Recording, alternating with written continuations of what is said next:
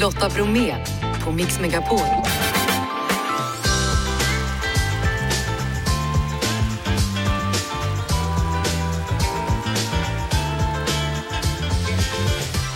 Ja, i dagens program så går vi igenom vilka morsdagspresenter vi vill ha, men också konstiga och märkliga presenter ni mammor fått där ute.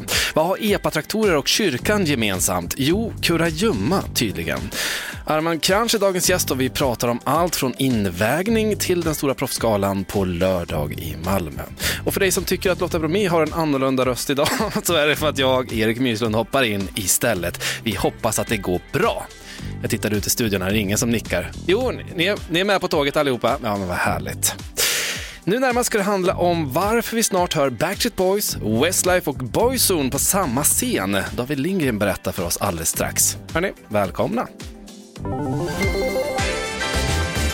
Den 21 september slår Hamburg Börs upp dörrarna inför höstens show som heter A Show Larger Than Life. Det blir en boyband kavalkad utan dess like och på scenen ser vi bland annat eh, Boris René, det blir Greg Curtis, det blir Erik Segerstedt, Mattias Andreasson med flera. Glömde jag någon? Ja, kanske en som vi sett både i Melodifestivalen och i det högaktuella programmet Let's Dance. Just det, David Lindgren också såklart och han är med oss på telefon. Hallå! Tjena Erik! Hur är läget? Du, det är så bra som det kan vara när man sitter i en bilkö här i Stockholmstrafiken. Ja, jag förstår det. Men det är, annars utöver det så är det faktiskt väldigt bra. Mm, då får du tid att uh, träna på lite stämmor inför hösten. Jag satt precis och lyssnade på This I Promise You med NSYNC. Hur låter det? Väldigt, väldigt bra. Var det favoritgruppen, pojkbandet, när du var ung? Eh, men allting eskalerade väl ut i NSYNC kanske skulle jag säga. För att när de kom med så här No Strings Attached-plattan och sen popplattan. Det var då jag bestämde mig för att börja hålla på med streetdance och sånt. Så då blev det väldigt mycket koreografier till de danserna. Men jag tror ändå ingångsporten, jag hittade någon bild på mig när jag kanske är tio år gammal när jag har New Kids on the Block hela väggarna. och sen blev det Boyzone, by Re- Boyzone kom med så Ja. by request och sen Westlife och Backstreet Boys Millennium-plattan och Backstreet Back. Det var ju... Alltså jag har lyssnat på boyband hela mitt liv, verkligen. Mm. Men har du gjort det öppet? För när jag var liten och vi hängde hemma hos mina polare, då var det Metallica, Iron Maiden, det var Nirvana. Och jag satt där och tyckte bara att det var jobbig musik och bara satt där. Och de var högsta volym. Och sen när jag kom hem, då tog jag fram bland annat Boyzone by Request. Och så stod jag där och sjöng in i mitt rum. Men jag vågade liksom inte dela med mig av det till mina vänner. Jag vill veta, du, du sett att säga just Boyzone-plattan, för det var typ första plattan jag märkte att även några killar i, poj- i hockeylaget tyckte var bra. Det var som att den var så här, ja men de är ändå, det är så här, de dansar inte och håller på utan de sjunger liksom bra låtar. Det var, den blev typ okej. Men eh, jo, stu- jag- jag känner mig ju väl ganska ensam i just pojkbands eh, Mm. eh, kärleken tror jag. Tänk om jag sociala märker- medier hade funnits då, då hade vi hittat varandra där på nätet. Så här. Och då kanske vi hade startat boyband redan då. Ja, tänk vilken magisk dröm det hade varit. Nej, men jag tror att det är många som, alltså det, det går ju inte att blunda från alla hits. Alltså första playlisten vi satte ihop hade över 100 låtar. Eh, och Ja. typ, då var det typ bara hits. Så att det finns ju, man kan göra bara Show Large in Life 1, 2 och 3 utan att köra samma låtar. Ja. Men du, eh, vilka pojkband har ni med och vilka låtar för att ni ska eh, locka folk här nu då? Alltså pojkbanden som är med är ju Nukes on the Block, Backstreet Boys, Westlife, NSYNC, Boyzone, Take That. Sen kommer vi nog även att pynta med lite så här B2K.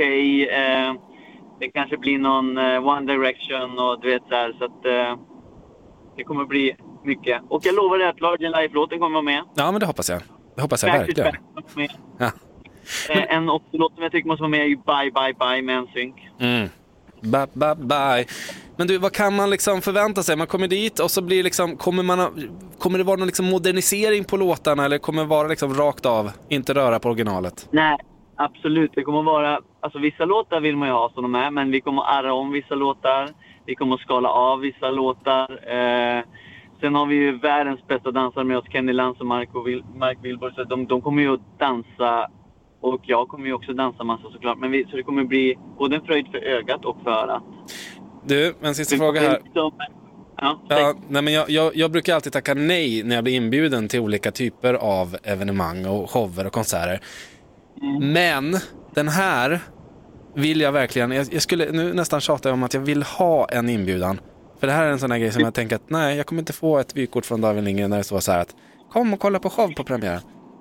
Du kommer att bli inbjuden. Och Tack. jag hoppas och tror att det är mer killar i våran ålder som kommer och bara Nu kan jag stå för att jag tycker att det här är riktigt bra låtar. Nu vill jag gå och se den här konserten som jag inte vågade gå och se i tonåren. Och liksom ta med mig mina vänner eller min partner och bara ha det riktigt nice tillsammans. Det låter magiskt. Tack så mycket David Lindgren för att du var med. Du, tack själv.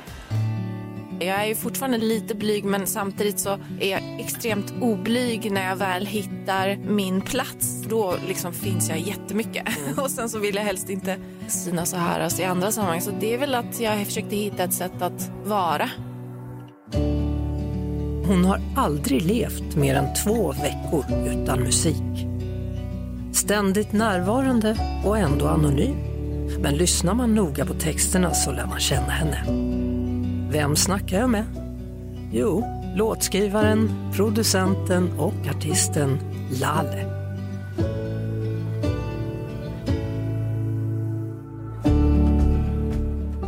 Var är hemma för dig? För du har bott i Iran, Vitryssland, Berlin, Göteborg, Los Angeles och sen kort tid i Tidaholm när ni kom till Sverige precis. Mm. Jag märker ju att det är väldigt svårt för mig att Eh, bestämma exakt. Men det är ju någonting som jag jobbar med och försöker hitta någonting, en punkt som känns rätt. Men um, jag hade jättesvårt att byta telefonnummer till amerikanskt nummer efter tre år så bara okej jag kanske ska skaffa ett amerikanskt nummer ändå. Eh, men nu, men nu har jag efter liksom många månader här till slut, okej men vi tar, jag skaffar ett svenskt nummer då. Så att jag märker att jag har lite så motvillighet att sätta en, eh, liksom en titel på var jag kommer ifrån. Men, men det är ju lite samma, jag kommer ihåg när du kom så Mm. sa väl alla att det här, så här kan man ju inte göra kommersiellt, man kan ju inte både ha låtar på engelska och på svenska och andra språk på samma skiva. Ja, det var jättekonservativt då. Det är ju inte så idag. Idag så, byter, så gör det lite mer. Ja, Men, men när du- det var jätte- alla bara så, nej, "Det där alla var inte", så jättearga på Ja. mig. Jag fick så mycket så här, nej nu spretar och jag fick så här, nej det var jätte, jättestor reaktion men det visste jag ju att det skulle komma. Eh, absolut. Mm. Men det är jättesvårt för mig att bestämma. Men det är ju min, min mamma var ju själv också från, hon var ju själv flykting från Azerbajdzjan och hade släkt i liksom Georgien. Alltså hon hade ju helt annat påbrå så hon, hon var ju också, hon hade ju också sådär en komplicerad bakgrund och sådär. Så det, för mig har jag, jag har alltid vetat att där jag, vi är inte aldrig tydliga liksom med var vi kommer ifrån heller. Så det har alltid funnits ett liksom du vet den här filmen Choklad, choklad. Du vet när det, när det blåser och hon öppnar fönstret. Det är lite när hon, den scenen är väldigt talande för mig och liksom min mamma och hennes mamma. Så det har alltid varit på flykt och alltid i rörelse. Men det är väl så du är i ditt skapande också, alltid i rörelse. Ja. Så att det, det hänger ju ihop liksom. Jag menar, jag skrev ju bara för att vara mig själv i LA. Så att där blev jag jättekär i svenskan på, på något annat sätt. För då jobbade jag på, på engelska på jobbet med de här artisterna och sen så kom jag hem och bara, jag vill bara vara mig själv. Du vet. Så där hittade jag faktiskt en jättestor kärlek till svenskan på ett nytt sätt. Så att man kan ju faktiskt vara i olika delar av världen men ändå liksom hitta sig själv på nya sätt. Men Adam Lampert, Demi Lovato eller Golding, kan vi göra listan ännu längre? Sean Mendes. Ja. Ja, det är roligt.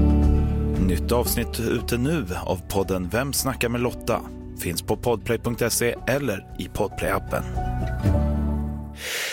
SVT har idag rapporterat om att upp till en tredjedel av kläder som handlas online returneras och flera klädjättar har blockerat möjligheten för vissa kunder att returnera. Medan nu är Fredrik Nilsson professor i förpackningslogistik vid Lunds universitet. Hallå! Hallå! Vad tänker du när du hör de här siffrorna?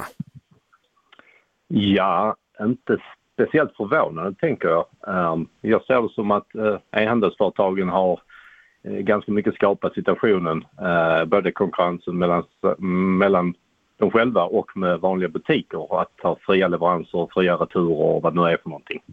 Ja, de, har, Jag är inte jätteförvånad. de har ju verkligen gjort det lätt för kunden att känna sig en trygghet att man kan skicka tillbaka, men nu när folk skickar tillbaka, ja då, då blir det jobbigt för dem tydligen. Ja, och man införde ju kanske det här eh, e-handeln blomstrar när miljöfrågor och annat inte var lika heta på tapeten. Nu när man börjar titta på det från lite andra perspektiv så kommer ju sånt fram. Eh, det som bara var ett sätt att tjäna mer pengar, att konkurrera för marknadsandelar, får ju lite konsekvenser i form av mer transporter, mer förpackningar, mer produkter som kanske kastas och så vidare. Mm. Eh, och som jag ser det, vi har blivit curlade som konsumenter. Vi kan sitta i soffan och sköta allt, se på våra serier på TV och bara beställa lite grejer och så vidare. Och den enkelheten har vi nu blivit ja, curlade in i och Mm. det är lite utmanande. Ja. Men du, jag måste fråga, vad gör man som professor i förpackningslogistik?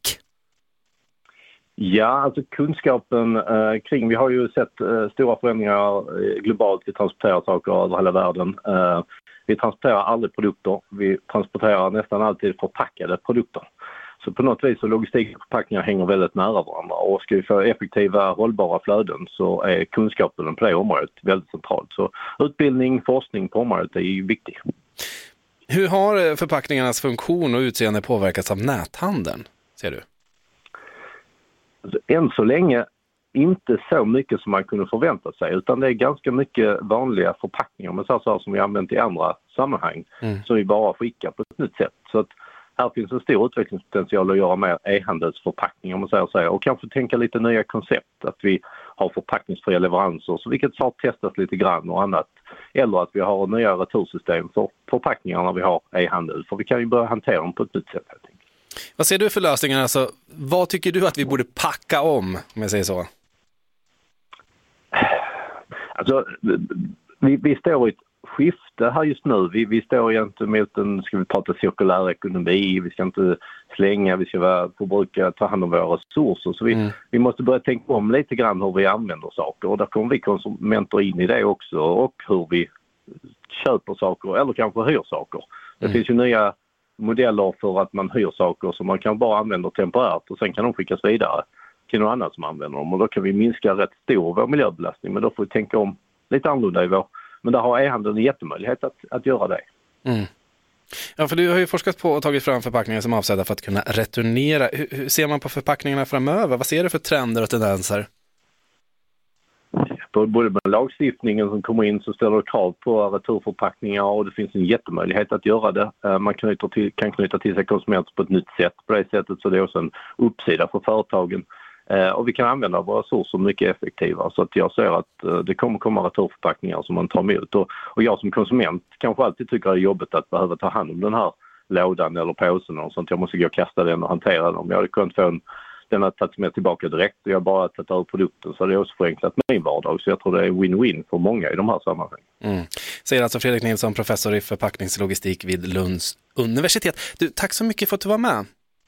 Tack så mycket. Lotta Bromé på Mix Megapol. På söndag är det ju dags. Eller hur? Ja, du vet vad jag pratar om va? Nej, det är inte Elitloppet jag pratar om, utan det är mors dag. På söndag är det då dags att hylla mammorna. Och vi har gjort en liten omröstning inne på vår Instagram, Mix Megapol heter vi det där, där vi har frågat, har du köpt en morsdagspresent? 81% säger att de inte har gjort det, jag där inkluderad. Vi gick faktiskt runt och tänk, eh, bland våra kollegor här på redaktionen och frågade om bra tips vad man kan köpa till mamma på söndag. Eh, Jag tror att jag kommer ge min mamma blommor eller något fint smycke. Jag tänker inte köpa en present till min mamma. Utan jag tänker bjuda ut henne på middag faktiskt. Det ska jag göra. Oh, wow, tack för påminnelsen. Det hade jag nästan helt missat. Ehm, vi kommer väl gå och köpa lite blommor eh, till mina barns mamma helt enkelt och eh, säga att det är från eh, barnen. Jag funderar på antingen biobiljetter, ett dusch och bodylotion kit eller ett biobesök. Mm, det var tipsen vi fick från kollegorna här på Mix Megapol. Och ni på Instagram, ni har skrivit Julia till exempel, blommor. Eh, vi har en annan som skrev tid. Mm, det är väldigt fint. Hennes mamma gick bort för drygt 20 år sedan när hon bara var 18 år. Så hon tycker att man ska spendera tid med sin mamma. Väldigt, väldigt fint. Eh, brunch har Elisabeth sagt och ett halsband. Sen har det kommit in, vi har också frågat så här, vilka är den konstigaste presenten man har gett bort eller fått som mamma? Och då eh, har vi bland annat en som eh, eh Sarek som skriver så här, min första morsdag fick jag en stor klubba med massa småklubbor i av min man. Mm, Jag vet inte hur nöjd hon var över det. Sen en favorit, Louise har skickat in att hon fick en bandsåg. Du lyssnar på Lotta Bromé på Mix Megapol. Dagens gäst är en av våra stora proffsboxare som nu är mitt i förberedelserna inför en proffsgala som ska hållas i Malmö på lördag. Välkommen till Mix Megapol säger jag till Armand Kranch. Hallå! Tjena, goddagens! Hej allihopa! Hur är läget? Underbart! Det är mycket förberedelser nu inför, inför eh, eventet. Mm. Eh, och ja, det är mycket känslor. Vi sitter här och jobbar in i det sista med lite kuvert och pinnålar och allt vad som ska vara i kuverten när de kommer gästerna så de är nöjda. Ja, men jag Och för förstår. sina egna kasinopengar. Vi ska prata lite mer om själva galan alldeles strax, men jag tänkte, är det, är det Armand eller är det Lion jag ska presentera dig som? Va, va, vad tycker du själv? Ja, det, det var mitt artistnamn när jag boxades, Armand de Lion Kreins. Men eh, du kan kalla mig eh, Armand, det är bra. Men du, varför är det så himla, varför är det just tror du att man tar på sig liksom ett smeknamn inom eh, sporten? Det är väl lite artistnamn inom, inom, eh, inom eh, skådespeleriet liksom. Det kommer därifrån, Hollywood. Det är liksom man, gladiatorerna, hästar, alla liksom, alla. Man har ett namn, Blixten eller man Mm. har, ja man, man, man liksom kan jämföras närmast med något man själv känner igen sig själv. Eh, det kan vara att man eh, Ja, Lion hade jag till exempel. Det var ju för att eh, det började gymmet när jag tränade i början som proffs. Alla hade namn på gymmet. Alla hade The Panther. Någon Mm. hade... Alla gjorde ah, men Du måste ha namn annars kommer du aldrig lyckas inom proffsboxning. Nej, Va? sa jag. Det är så viktigt det alltså? Jo, du, måste, du måste ha namn för folk ska komma ihåg dig. Ah, Okej. Och så började jag grymta på träningarna lite. Vet. Och oftast, och oftast i matcherna, de som har följt mig, jag, avslu, jag var en avslutare. Jag kunde inte... Fick jag grepp så släppte inte jag. Då Mm. kör jag över tills det är slut. Och jag vann oftast på TKO och då blev det ett lejon. Det är som när du väl fått byte. Mm. Då slutar jag född i augusti också. Så då blev det automatiskt, eh, ja men då tar vi lejon, det är lejon.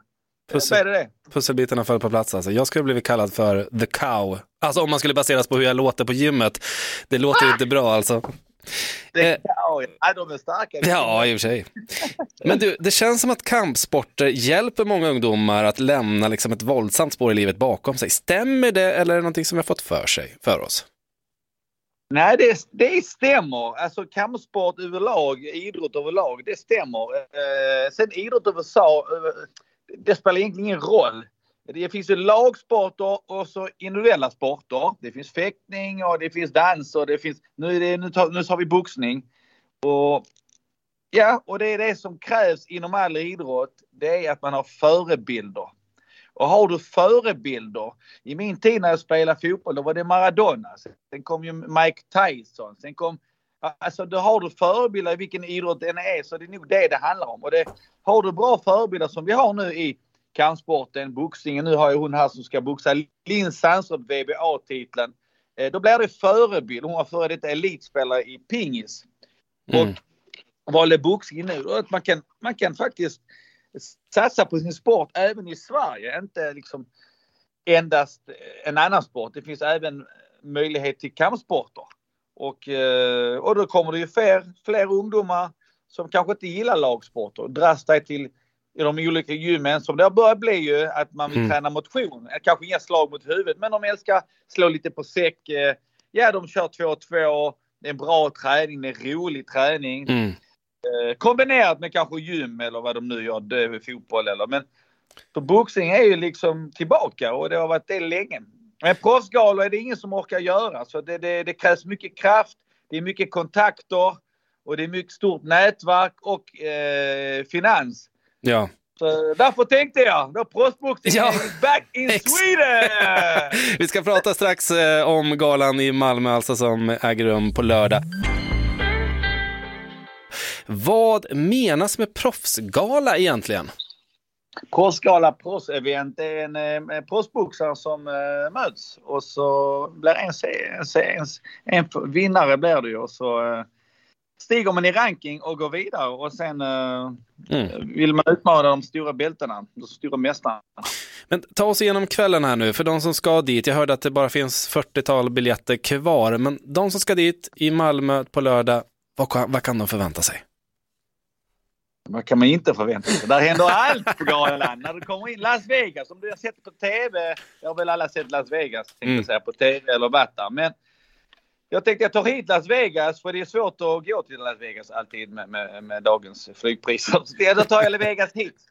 Då är det, när du kommer in, så är det en röd matta utanför eh, vid entrén med lite eh, fina bilar och sådär och lite vepor och och så Indian motorcykel kommer, kommer också vara där. En stor fin eh, motorcykel och lite bilder och fotografer. Sen när du kommer in i entrén då är det en crew från Malmö Crew City. Eh, de samarbetar vi så de hjälper då till och så har vi ungdomar som ger eh, kuvert. Så får du ett speciellt kuvert med ditt namn, antingen privat eller om du är bolag. Och där inne har du då en pin som du sätter på bröstet sen och så en eh, lite eh, sån här eh, fake-pengar som du kan spela sen i kasino där uppe. Sen går man in där inne eh, vid den här stora vepan, även där är det lite saker som händer. Eh, och sen kan jag inte släppa alla överraskningar såklart. Nej. Men där inne ska man då fotas vid den här om man vill. Mm. Är det en pressfotograf, han tar foto, dunk, dunk, dunk. Det är en sån stor vepa, fyra gånger fyra meter. Mm. Eh, och sen eh, minglar man runt där inne och sen öppnar restaurangen 16.45. Och då går man in och så är det skyltat exakt var man sitter. Eh, och då sätter man sig där. Och sen har vi den underhållande, inte mindre än Cornelius Löfmark. Som kommer vara där. Eh, och det blir, han, är, han är en eh, fantastisk prick eh, och kan detta bra. Så han kommer att underhålla där Mm. och intervjua lite eh, personer. Och, eh, och det går rätt fort tempot. Det är en och en halv timme. För det, det, det är så att det är tre rätters meny. Så det är tre rätter med ett dryckespaket. Som där. Just så det, det. blir, eh, det går fort, det blir tempo. Och sker det liksom innan matcherna eller sker det i Detta samband? innan, det är där nere i restaurangen. Ja, där just nere. det. Alltså, Mm. det är detta där nere. Och hur Sen många- man upp, sen, upp, sen går du upp på trappan upp, en stor lång bred trappa med röd matta. Går du upp och när du kommer upp så får du direkt en goodiebag i handen. Och i den goodiebag innehåller en massa fina grejer. Eh, jag kan inte överraska alls, men det är en jättefin goodiebag. Eh, och sen eh, är är där The Barber har jag, så man kan raka sig helt fritt gratis där uppe. Så det är två stora barberare.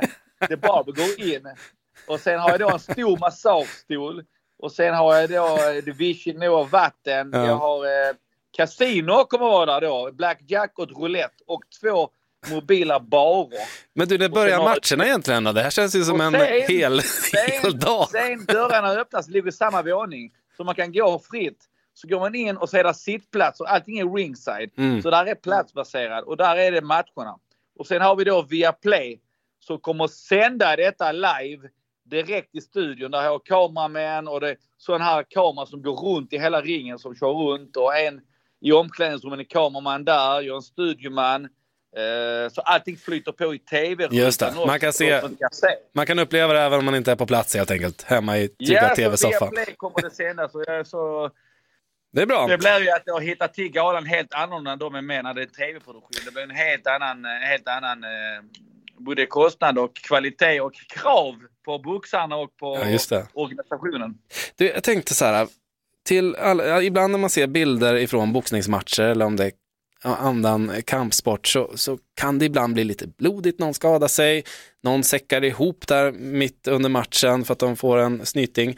Eh, kan du förstå att en del människor tycker att det är en liten läskig sport och att det diskuteras lite kring det? Vad, vad, vad tycker du kring just det här? Till eh, bare knuckle fighten. Ja, men eh, utöver, alltså även när jag tänker alltså kampsport överlag, när man ser att folk eh, skadar sig. Det är ju en pågående diskussion. Det skulle vara intressant att höra för dig som har hållit på så länge kring eh, vad du vill säga till folk som kanske, eh, om, kanske har barn som vill börja träna till exempel. Ja, nej men det, är- där finns ju nivåer i alla sporter.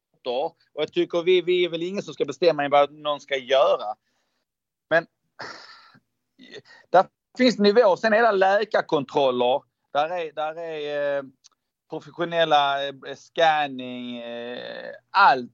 Man gör medicinska undersökningar. Och oftast de här idrottspersoner som är aktiva, oftast är de jättetränade. Mm. Så att Nej, och det är positivt till många människor som dras ännu mer till, till gymmen och de vill träna och hålla sig fit helt enkelt och må bra. Mm. Så att, men att eh, då finns det olika nivåer och där kommer ju tycket, vad man tycker. Vissa tycker det är våldsamt, vissa tycker nej. Och där är väl smak och tycke. Ja, Det, det, Hur börjar ni? Ja, det är ja. lite intressant. Om man har, en, om, om man har någon, ett barn och så vill man liksom, eh, ungen kanske vill börja träna till exempel boxning. Hur går det till på träning? Har du, har du någonting du Ja, kan nej, men kids, ja, jag har haft jättemycket barnträningar. Mm. och Kids, eh, det är ju jättefantastisk träning, själva boxningsträningen för barnen. Du vet, det är mycket lek, det är mycket klappa händer. Nu klapp, ett, två först. Ett, ta, där. Mm. Mycket volter runt, mycket lek, alltså mycket, inte en sparring. Det är mycket med plattor, de slår kullerbyttor. Eh, ja, man, med varandra. Man, man, innan ens man kommer upp till att man ska spara eller att man ska liksom Mm. det är mycket runt omkring. Sparring är den sista delen. Och det är inte alla som vill, men då gör man inte det. Nej. det är alla eh, boxas mot huvudet. Vissa går bara mot kroppen och vissa inte alls. Det är smak och tycke. Så att det är hur mycket man klarar av och vi är olika människor. I olika jobb, i olika personligheter, i olika val i livet vad man vill göra. Vad du vill äta bestämmer inte jag. Nej, Nej exakt. Hörru Du, jag, jag går igenom lite um, vikter här, olika viktklasser. Eh, jag är ju supertung vikt, eh, verkligen tyvärr. Jag har 110 kilo och det är inte muskler kan jag säga. Men lätt flugvikt hittar man, alltså, vart, det, det, det låter så fånigt när man säger lätt fu, eh, eh, flugvikt och i MMA har man atomvikt. Vart kommer allt det här ifrån? Ja, precis. Stämmer. Ja. Vilken, vilken matchvikt har du, eh, är du i nu? Nu är jag nog närmare dig. Men jag är nog på 90 tror jag. 88, 90, 93 ligger. Men då är vi tungvikt båda två. Ja, bra. Det är väl den coolaste viktklassen. Du, Armand, tack så hemskt mycket för att du ville vara gäst idag och lycka till här nu på lördag. Och det finns några, ett fåtal biljetter kvar. Vart är den specifika platsen om vi avslutar med det? Ja, man kan gå in på hemsidan armandboxingpromotion.com. Eh, ja, och där klick, kommer man vidare till Julius biljettservice. Eller man går direkt till Julius biljettservice. Mm. Grymt. Så där är det och det, eh, ja, det är först till kvarn tänkte jag säga. Det här blir ett unikt event och jag menar det blir en happening och det är en fantastisk, fantastisk matchprogram finns det också. Anthony Gigit är med, Linn, jag har en svensk titelmatch, vi har nationallåtar, vi har... eh, Ja, det blir en fantastisk underhållning. Det, blir, det låter som att vi missar någonting, vi som blir kvar i Stockholm. Tack så mycket Armand. Tack så mycket. Ha en fortsatt trevlig dag och lycka till med alla förberedelser. Tack, tack. Tack, hej! Lotta Bromé och den perfekta mixen på Mix Megapol. Och vi ska norr om Karlstad. Grava, församlings, Grava församlings fritidsledare Andreas Kullberg tyckte att ungdomar med EPA och A-traktorer ibland glöms bort av samhället. Därför tog han beslutet att samla ihop ett gäng ungdomar som fick leka EPA-kurragömma. Andreas Kullberg, välkommen! Tack så mycket! Alltså hur kom du fram till att börja med EPA-kurragömma? Eh, egentligen så har vi ju eh, snott eller lånat idén kan man säga av en församling i Köping som har gjort det tidigare. Eh, och haft väldigt mycket framgång med det. Men det, här, alltså det handlar ju om att eh, de flesta som kör EPA-traktorer egentligen nästan aldrig får någon som gör något för dem. De får alltid hitta på själva. Så vi tänkte att vi kan hitta på att göra något för dem. Berätta lite kort, hur går det till det här? Eh, man samlas på ett ställe. De får en karta där det är ett eh, område. Inom det området ska de gömma sig. De får en kvart eller 20 minuter på sig. Och sen åker vi runt och letar. Så livesänder vi det på vårt Instagram-konto samtidigt. Och ser de var vi är. Kan komma med lite kommentarer som att haha, ni åkte förbi oss och sådär. Hur långt hinner man på, alltså hur fort går en EPA-traktor? Är det 35 km i timmen eller 30 kanske? Åker du 35 åker du 5 för fort för att Ja. det ska vara lagligt. Okej, Så 30, 30 får de åka. men åker du också i en EPA då? Nej, jag har inget. Vi körde, vi körde i våran lilla Golf och Ja, istället. Det funkar bra. Jag tänkte bara hur långt man hinner om man får köra 30 km i timmen på, ja, det är ju inte, det är inte, Ja, det är inte det, området är inte så himla stort. Nej. Alltså, vi gjorde det på var det 1,2 gånger 2 kilometer och det var ändå lite för stort för att, för att vi skulle hitta några egentligen. De Mm. gömde sig bättre än vi letade, så kan man säga. ja, nu vet inte jag hur gammal du är, men, men vi kanske är liknande ålder och jag tänker, är kurragömma lika roligt som när man var barn? Ja, Det är fort... så, så, länge man tycker, så länge man tycker att det är kul att leka så är kurragömma alltid roligt. Vi kör, det, alltså vi kör det med våra barngrupper och ungdomsgrupper och sånt också. Mm. Ju i försam, i försam, inne i församlingshemmet. Då kan, man, tänker man, då kan man ta ut det i, i, i samhället också. Men du, ja, så att ni gör det här då eh, tillsammans med ungdomarna. Va- Varför gör ni det här? Alltså det är ju väldigt ofta så kan man ju säga en del av det är ju att de har, eh, som jag sa, sällan någon som ordnar något åt dem. Sen får de också väldigt dåligt rykte. De, ah, nästan alla är bra folk. Sen är det några rötägg och de får alla andra att få dåligt rykte. Mm. Och vi, alltså vi, ja, men vi tyckte det var kul att göra något för ungdomar för de är i stort sett alla är, sköter sig bra, gör, ja, är bra människor. Så då kan man göra något positivt för dem också. Det är mest negativa rubriker kring, Mm. Kring EPA annars. Och det är lite synd. Okej, men finns det någon, så här, någon tanke med att liksom eh, fånga upp en målgrupp som kanske inte dyker upp i kyrkan på söndagar? Ja, det är också ett sätt att skapa kontakt med några som, som vi inte så himla ofta ser komma in i kyrkan Mm. annars. Eh, och det är väl lite bra. Då fick ju de komma in och märka att vi är inte så himla farliga heller. Nej. Eh, och så fick de köra med bröd och mos och, och sådär också. Så det Ja. var ju bra. Ja, det låter bra.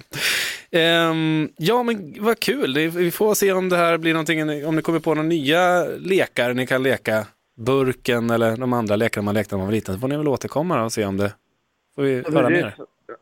Ja, nästa steg är väl att vi ska, vi har kontakt, kontakt med äldreboende så vi kanske kan ta dem för en sväng i EPA. Det vore något. Det vore någonting som jag skulle vilja se live på er Instagram, det kan jag säga. Det lär det bli. Andreas Kullberg alltså från Grava församling, eh, han är fritids- fritidsledare där. Tack så mycket för att du ville vara med. Lotta Bromé på Mix Megapol. 2022 års mediebarometer visar på en fortsatt rekordhög mediekonsumtion från svenskarna och Tobias Lindberg är medieforskare på Nordicom och har varit med eh, och utfört undersökningar som 6 660 personer deltog i. Välkommen hit! Tack så mycket. Totalt uppgår svenskarnas mediekonsumtion till sju timmar om dagen. Vad är det vi konsumerar? Vi konsumerar egentligen allt. Mest eh, det vi gör nästan allihop, det är att titta på tv. Det gör lite drygt 9 av 10 svenskar kollar på tv eller rörlig bild under en vanlig dag. Och ungefär 8 av 10 lyssnar på, på radio. Så vi gör nästan allt hela tiden faktiskt. Och vad är det ni har räknat med här nu då? Alltså är det att jag tar upp min mobil, jag kollar Instagram och så räknas det fyra minuter eller vad jag nu spenderar? Eller är det något mer som jag inte kanske tänker på? Det är egentligen all, all form av mediekonsumtion Mm. som du äg- ägnar åt. Det här, och det här är en enkät, så vi frågar olika personer. Då. Vi slumpar ett stort antal personer mellan 9 och 85 år. Och sen frågar vi vilka medier tog du del av under Mm. gårdagen? Och så får man frågan, tog du del av till exempel en dagstidning? Tog du del, var du inne på Instagram eller Facebook? Och så svarar man ja. Jaha, hur lång tid var du där? Vad gjorde du där? Mm. Så det är många frågor beroende på vad man gör. Ja, då blir jag livrädd i och med att när jag kollar på min skärmtid bara på min mobil så är jag uppe i fyra timmar om dagen den här veckan. Jag har inte börjat bra. Eh, vad är det vi konsumerar mest då? Det är olika former av rörlig bild. Så när vi tittar till exempel på tv, tittar vi på analog tv, då tittar vi under längre tid än om vi tittar till exempel på strömmad tv, då tittar vi lite kortare. Men sen när vi lyssnar på, på radio, det gör vi ungefär en timme om dagen. Mm. Och, så vi gör egentligen all massa olika saker. Eh, vi lägger nästan ungefär lika mycket tid på just att vara inne, kliva in och ut från olika sociala nätverk. Och nu med, precis som du sa, Instagram. Det är nu med det, det nätverk vi använder mest. Tidigare var det Facebook, men det har tappat, fallit tillbaka lite under senare år. Och nu är Instagram det, mest, det vanligaste sociala nätverket vi, vi använder. Och det känns ju som att eh, sociala medier verkligen älskar just det här. De anpassar sig efter, de vill ju att vi ska stanna kvar länge med olika klipp och det är inte bara människor vi följer utan det är ju nya eh, kreatörer som liksom dyker upp i ens flöde bara för att man ska stanna kvar och fortsätta titta på hundvalpar. Ja, både hundvalpar och massa andra saker. Nej, men de är konstruerade för att du ska, liksom, precis som du säger, liksom, dra ner, scrolla till och att det här står och spinner det här lilla hjulet en stund, spänningen stiger, vad kommer upp för bild och sen är jag kvar en liten stund. De är konstruerade på det sättet. Men skillnaden är till exempel om vi jämför eh, en, liksom att du läser en tidning eller tittar på tv, så gör du det under en längre, oftast en lite längre tid. Men eh, de här sociala nätverken, de är precis som du är inne på, de är gjorda för att vi ska kliva in och ut, fram och tillbaks och uppdatera för, hela tiden. Men nu när det ökar då, eh, vad är det som är, är, är, vet inte om det är rätt ord, men vad är det som är farligt eller negativt? Det beror nog på vad man, vad man tycker. Eh, för det, du, får, du lär dig ju massa saker. Liksom, läser du liksom en tidning får du reda på vad som händer under dagen eller liksom lyssnar på det här programmet så lär du liksom uppfatta vad är det som har hänt i, i Sverige om min omvärld idag. Mm. Sen kan det givetvis vara att det finns eh, personer och det är, det är ganska vanligt även bland unga personer. Jag såg en alldeles ny norsk studie som bara kom, jag tror det var igår eller förrgår, som handlar om att eh, ungefär tre av tio norska ungdomar vill dra ner på sin skärmtid. Så visst finns det personer som känner, och då pratar vi alltså skolungdom, Ja. som känner att ah, det är nog lite mycket tid jag lägger på det här. Så det är inte bara du som känner att ah, det här var ingen bra start på veckan med fyra timmar. Vad tror du om du får blicka fram i tiden? Kommer det att fortsätta öka eller hur ser det ut? Ja, det tror jag. Alltså, före pandemin så la vi ungefär sex timmar på medier per dag. Och det hade vi gjort under lång, lång tid. Sen kom pandemin. Och då steg det här snabbt Mm. till sju timmar, bara på ett år. Och det är liksom så snabb utveckling vi aldrig sett. Och nu har vi hållit den nivån under tre år. Och när vi väl har skaffat en vana, då bryter vi den sällan. Så det sannolika är att vi kommer ligga kvar på den här förhöjda nivån, rekordnivån. Möjligen, möjligen dalar vi lite, men vi kommer inte, och det vågar min vänstra tumme på, vi kommer inte att sjunka ner till nivåer före, den vi låg på före pandemin. Om jag får göra en enkät på dig då, hur mycket media konsumerar du på en dag? Alldeles för mycket. Nu är det mitt jobb. Ja, så att sju, sju timmar är alldeles för lite. Mm. Tittar vi på ungdomar, 15 till 24, då lägger de ungefär nio timmar. Mer än så faktiskt. Åh, herregud. Jag ligger nog ett par timmar till. Men det är mitt jobb. Jag ska använda mycket medier. Du lyssnar på Lotta Bromé på Mix Megapol. Topp fem grejer som jag gillar att göra på sommaren. Nummer fem. Gå på Grönan. Allting. Alltså jag åker allt. Jag älskar sånt. Jag älskar Gröna Lund. Eller Liseberg är också nice. Men eftersom jag är från Stockholm så är det oftast Gröna Lund. Jag blir som ett litet barn igen. Nummer fyra. Och sen älskar jag att käka glass på sommaren. En Solero eller en Twister. En isglass. Calippo är också nice. Cola Calippo. Nummer tre. Eh, och sen nummer tre, vad skulle jag säga då? Jag älskar att hyra en sån här liten eh, mysig stuga så här, vid, vid någon sjö eller vid vatten. Jag älskar ju vatten, eller typ i Palma där jag hänger mycket. Jag är en strandkille, så så sola och bada alltså. Det är verkligen min grej. Nummer två. Lyssna på musik som påminner mig om andra somrar. Som får mig att tänka på bara sommaren generellt också. är nice. Jag vet inte exakt vilken sommar det var, men jag minns det fanns en sommar, typ någon gång i mitten av 90-talet, när jag var liten och eh, vi brukade åka till en sjö som heter Rösjön utanför Stockholm. Det var så nice alltså. Det var en liten röd stuga som sålde glass och så var man där med familjen och mina kusiner och så här kompisar och sådär. Så det, ja, vattnet och simma och sola och bada. Med all den musiken, 90-talsmusiken. Nummer ett. Jag, jag gillar faktiskt att gå ut på sommaren och festa. Och sen någon nice drink och bara hänga med mina vänner. Jag bara tänker nu, jag ser fram emot typ nu i juli när jag är lite ledig och så här, åka till Palma och hänga med mina vänner där och bara gå och ta en drink och bara njuta, njuta av livet och lyssna på bra musik och dansa och ja. Ett poddtips från Podplay. I podden Något Kaiko garanterar östgötarna Brutti och jag, Davva, dig en stor dos skratt. Där följer jag pladask för köttätandet igen. Man är lite som en jävla vampyr. Man har fått lite blodsmak och då måste man ha mer. Udda spaningar, fängslande anekdoter och en och annan arg rant. Jag måste ha mitt kaffe på morgonen för annars är jag ingen trevlig människa. Då är du ingen trevlig människa, punkt. Något Kaiko, hör du på Podplay. Därför är gardinerna.